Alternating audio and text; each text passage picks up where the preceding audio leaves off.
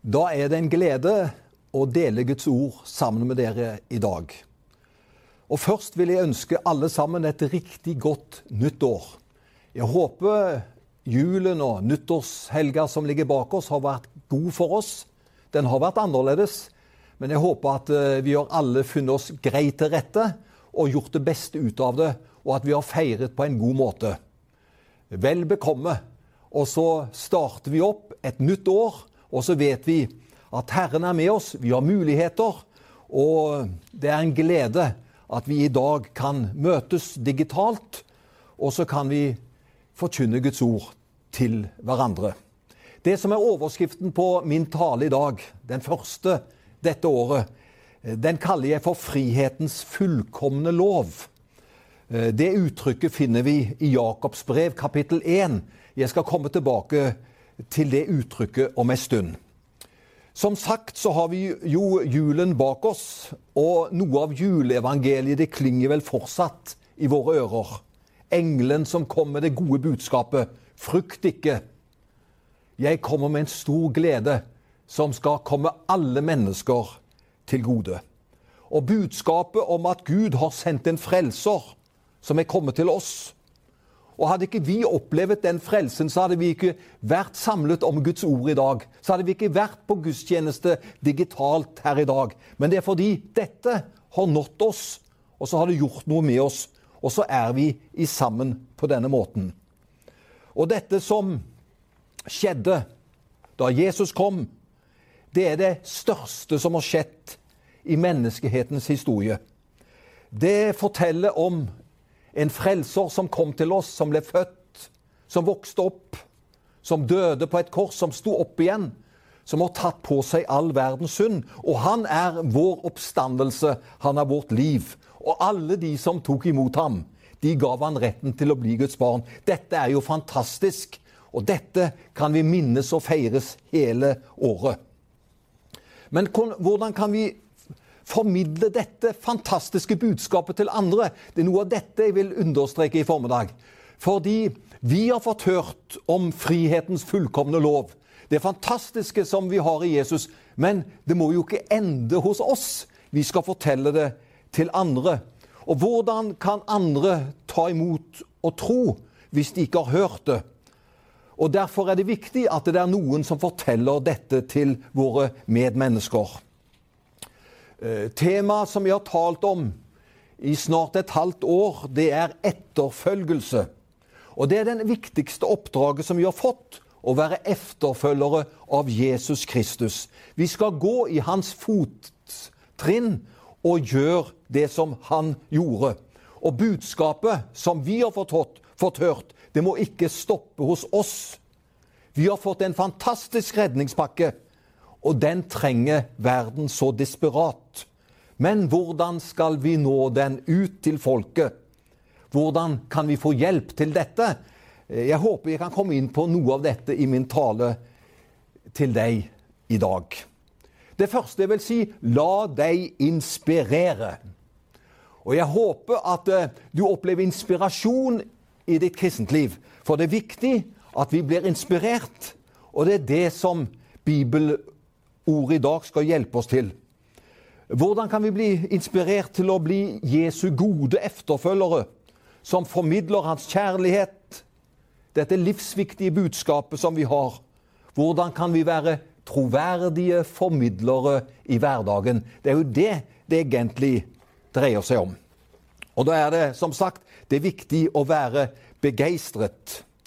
Jeg håper at du er en begeistret kristen. Og Nå skal jeg fortelle deg hva som er min hovedkilde til begeistring. Det er faktisk alt Bibelen. Det er Guds levende ord som virkelig inspirerer mitt kristne liv. Og når vi tar oss tid til å lese i Bibelen, så fyller det oss med glede og takknemlighet. Vi blir fulgt av en visshet om at vi ikke trenger å opptre som slaver eller undertrykte mennesker som må krype for Gud. Nei, den gaven Gud har gitt oss, den setter oss i frihet.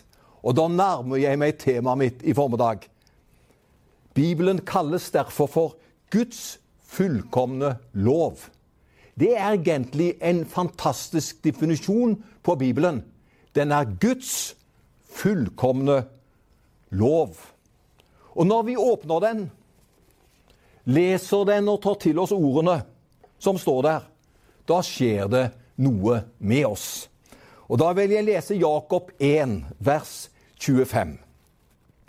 Den som ser inn i frihetens fullkomne lov og fortsetter med det, han blir ikke en glemsom hører, men en gjerningenes gjører.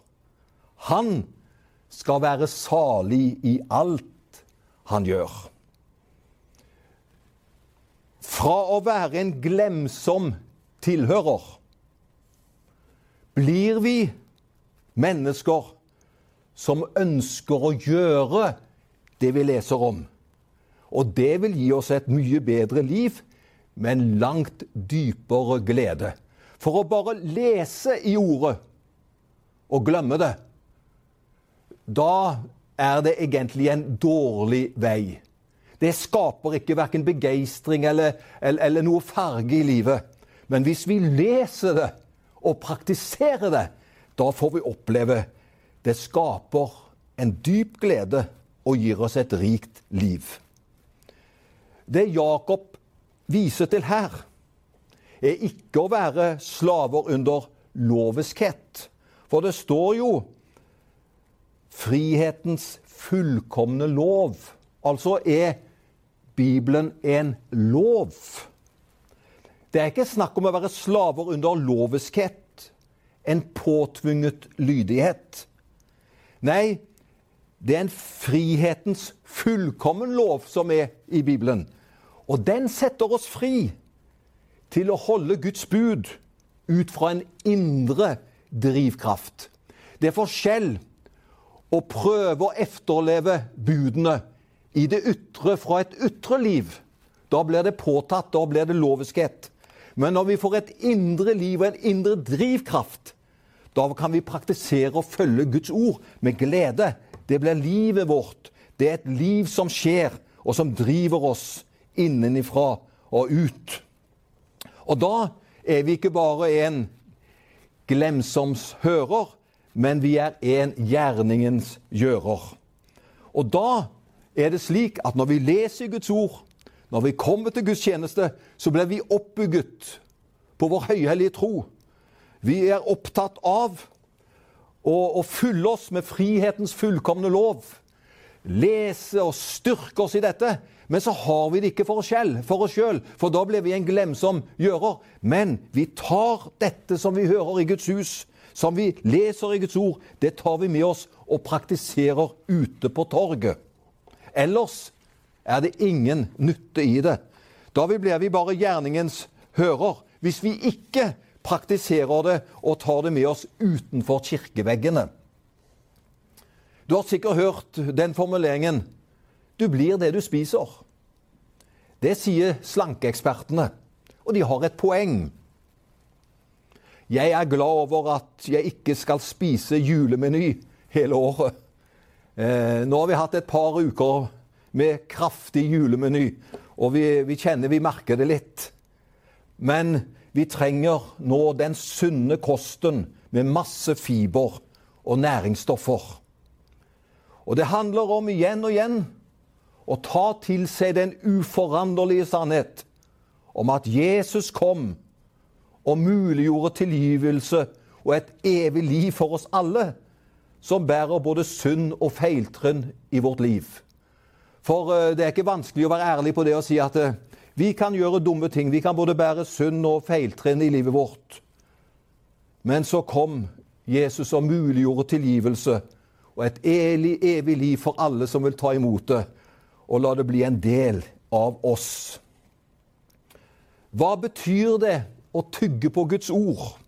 Hva betyr det å fylle seg med frihetens fullkomne lov?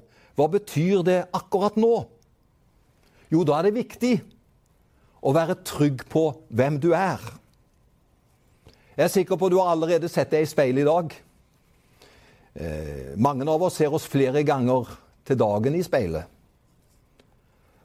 Hvordan vil du beskrive det du ser? Ja, nå tenker jeg ikke på det menneskelige. Men hvordan vil du beskrive det du ser i speilet, hvis du ser det med Guds øyne? Ja, det kan du vel ikke vite, tenker du? Jo, Bibelen gir oss kunnskap om hva Gud ser. Guds ord er nemlig som et speil. Og Derfor er det så viktig at vi må speile oss i Ordet og virkelig se hvem vi er i Kristus Jesus. Og Det fikk jeg heldigvis lære meg tidlig på min vandring som kristen. Jeg fikk lære meg at det, det er i Bibelen jeg leser hvordan mitt kristentliv er. Det er Bibelen som er speilet.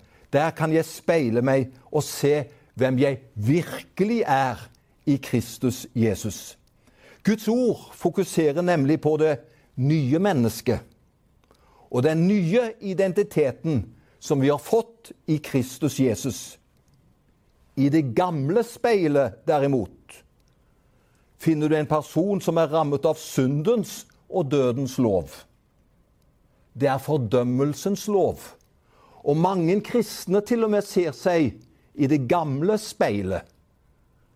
Og da ser vi en person som er rammet av synd og død og fordømmelse. Men det var jo slik vi var før det, uten Kristus. Men nå, i Kristus, har vi lagt bort det gamle speilet, og vi har fått et nytt speil som nye skapninger. Og når du speiler deg da i Guds ord, hva finner du da? Jo, da har jeg lyst til å lese et fantastisk avsnitt for deg. Det finner vi når vi speiler oss i Ordet. Der står det hvordan din og min situasjon er, hva som kommer fram i speilet når vi speiler oss. I Kolosserne, kapittel 1, vers 22 og vers 23. Og Jeg vil si det så tydelig så du kan slå opp det avsnittet når du kommer for deg selv. Det var Kolosserne 1, vers 22 og vers 23. Der står det slik Dere har han nå forlikt i sin kropp ved døden for å framstille dere hellige. Tenk, det står det. Vi blir framstilt hellige, ulastelige og uklanderlige. Slik blir vi presentert for Herren. Hvis dere bare blir stående i troen, grunnfestet og faste, og ikke blir ført bort fra håpet i evangeliet, det dere har hørt, og som ble forkynt for hver skapning under himmelen, og som jeg, Paulus, ble tjener for. Jeg vil bare ta tak i noen uttrykk som vi ser i dette flotte, lille avsnittet i Kolosserne 1, 22 og 23. Der får vi et bilde når vi speiler oss i Guds ord, i det nye speilet. Det første som vi leste om du er hellig. Og Jeg har bare lyst til å si det til deg. Gud finner ingen synd hos deg. For er du blitt en ny skapning i Kristus Jesus, så er du hellig. Det andre, og det er nesten for godt til å være sant, men det er sant Du er uten feil. Ulastelig, leste vi. Vi er ikke uten feil i vår syndeidentitet. Men vi er uten feil i vår rettferdighetsidentitet i vår rettferdiggjørelse i Jesus Kristus, der er du og jeg fullkommen uten feil. Og når Gud ser på deg og meg gjennom Jesus Kristus, så er vi faktisk talt uten feil. Er ikke det fantastisk? Det er nesten som vi kan si et lite halleluja. Tenk, i det nye speilet så er vi uten feil. Og det tredje som jeg vil understreke, som vi også finner som et bilde når vi speiler oss i Guds ord, så er vi faktisk talt uangripelig i Kristus Jesus. egne følelser vil fordømme oss. Men la oss heller speile oss i Guds ord. Og hør en rettferdiggjort kristen kan synde, men du er fortsatt rettferdiggjort i Guds øyne. Og jeg skal omskrive det at eh, en rettferdiggjort kristen kan synde, men du er fortsatt rettferdiggjort i Guds øyne. Jeg skal øh, kommunisere det, omgjøre det til mer folkelig språk. Og da er det slik Faller du i vannet, blir du våt. Men du blir ikke en fisk. Vi kan bli våt. Vi kan falle i synd, men vi er fortsatt rettferdiggjort. Og fred, en, en rettferdiggjort kristen trenger også å be om tilgivelse når han har syndet. For han vil ikke la synden komme mellom seg og Gud. Så det er viktig å understreke. Vi er rettferdiggjort. Vi er rene, ulastelige, uten feil. Men vi kan gjøre feil. Vi kan synde. Og da er det viktig at vi ikke lar denne synden bli stående mellom oss og Gud. Vi er opptatt av å bekjenne, slik at vi stadig kan være mottakere av Guds nåde. Og Derfor er det så vidunderlig når vi bekjenner vår synd. Da er Han trofast og rettferdig. Da renser Han oss. Og Er det noe kanskje som du må gjøre opp i dag? Det er deilig å få rense litt opp, gjøre rent. Så opplever vi det gjør godt for oss. Og Jesu, Guds sønns blod, det renser ifra all synd. Og følger du disse rådene ifra kolosserne om at du er hellig, uten feil, uangripelig, og speiler oss i Guds ord, og lar Han få være livet vårt over rettferdiggjørelse, da vil du kjenne hvor viktig Jesus er for deg. Da blir han jo alt.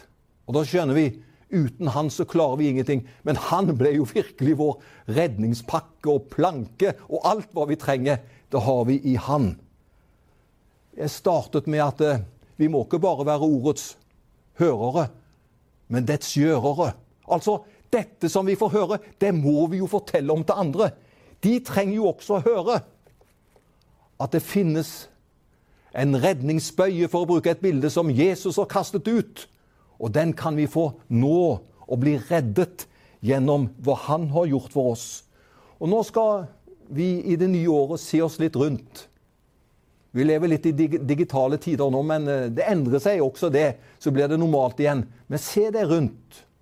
I nabolaget, på jobben, hvor du er. Hvem er det som trenger å høre dette fantastiske budskapet? Og oppleve at det Jesus gjorde, det gjelder for alle. Jeg vil oppmuntre deg. La deg være og bli inspirert til å være en Jesu efterfølger. Gud velsigne deg, og ha en kjempefin dag. Amen.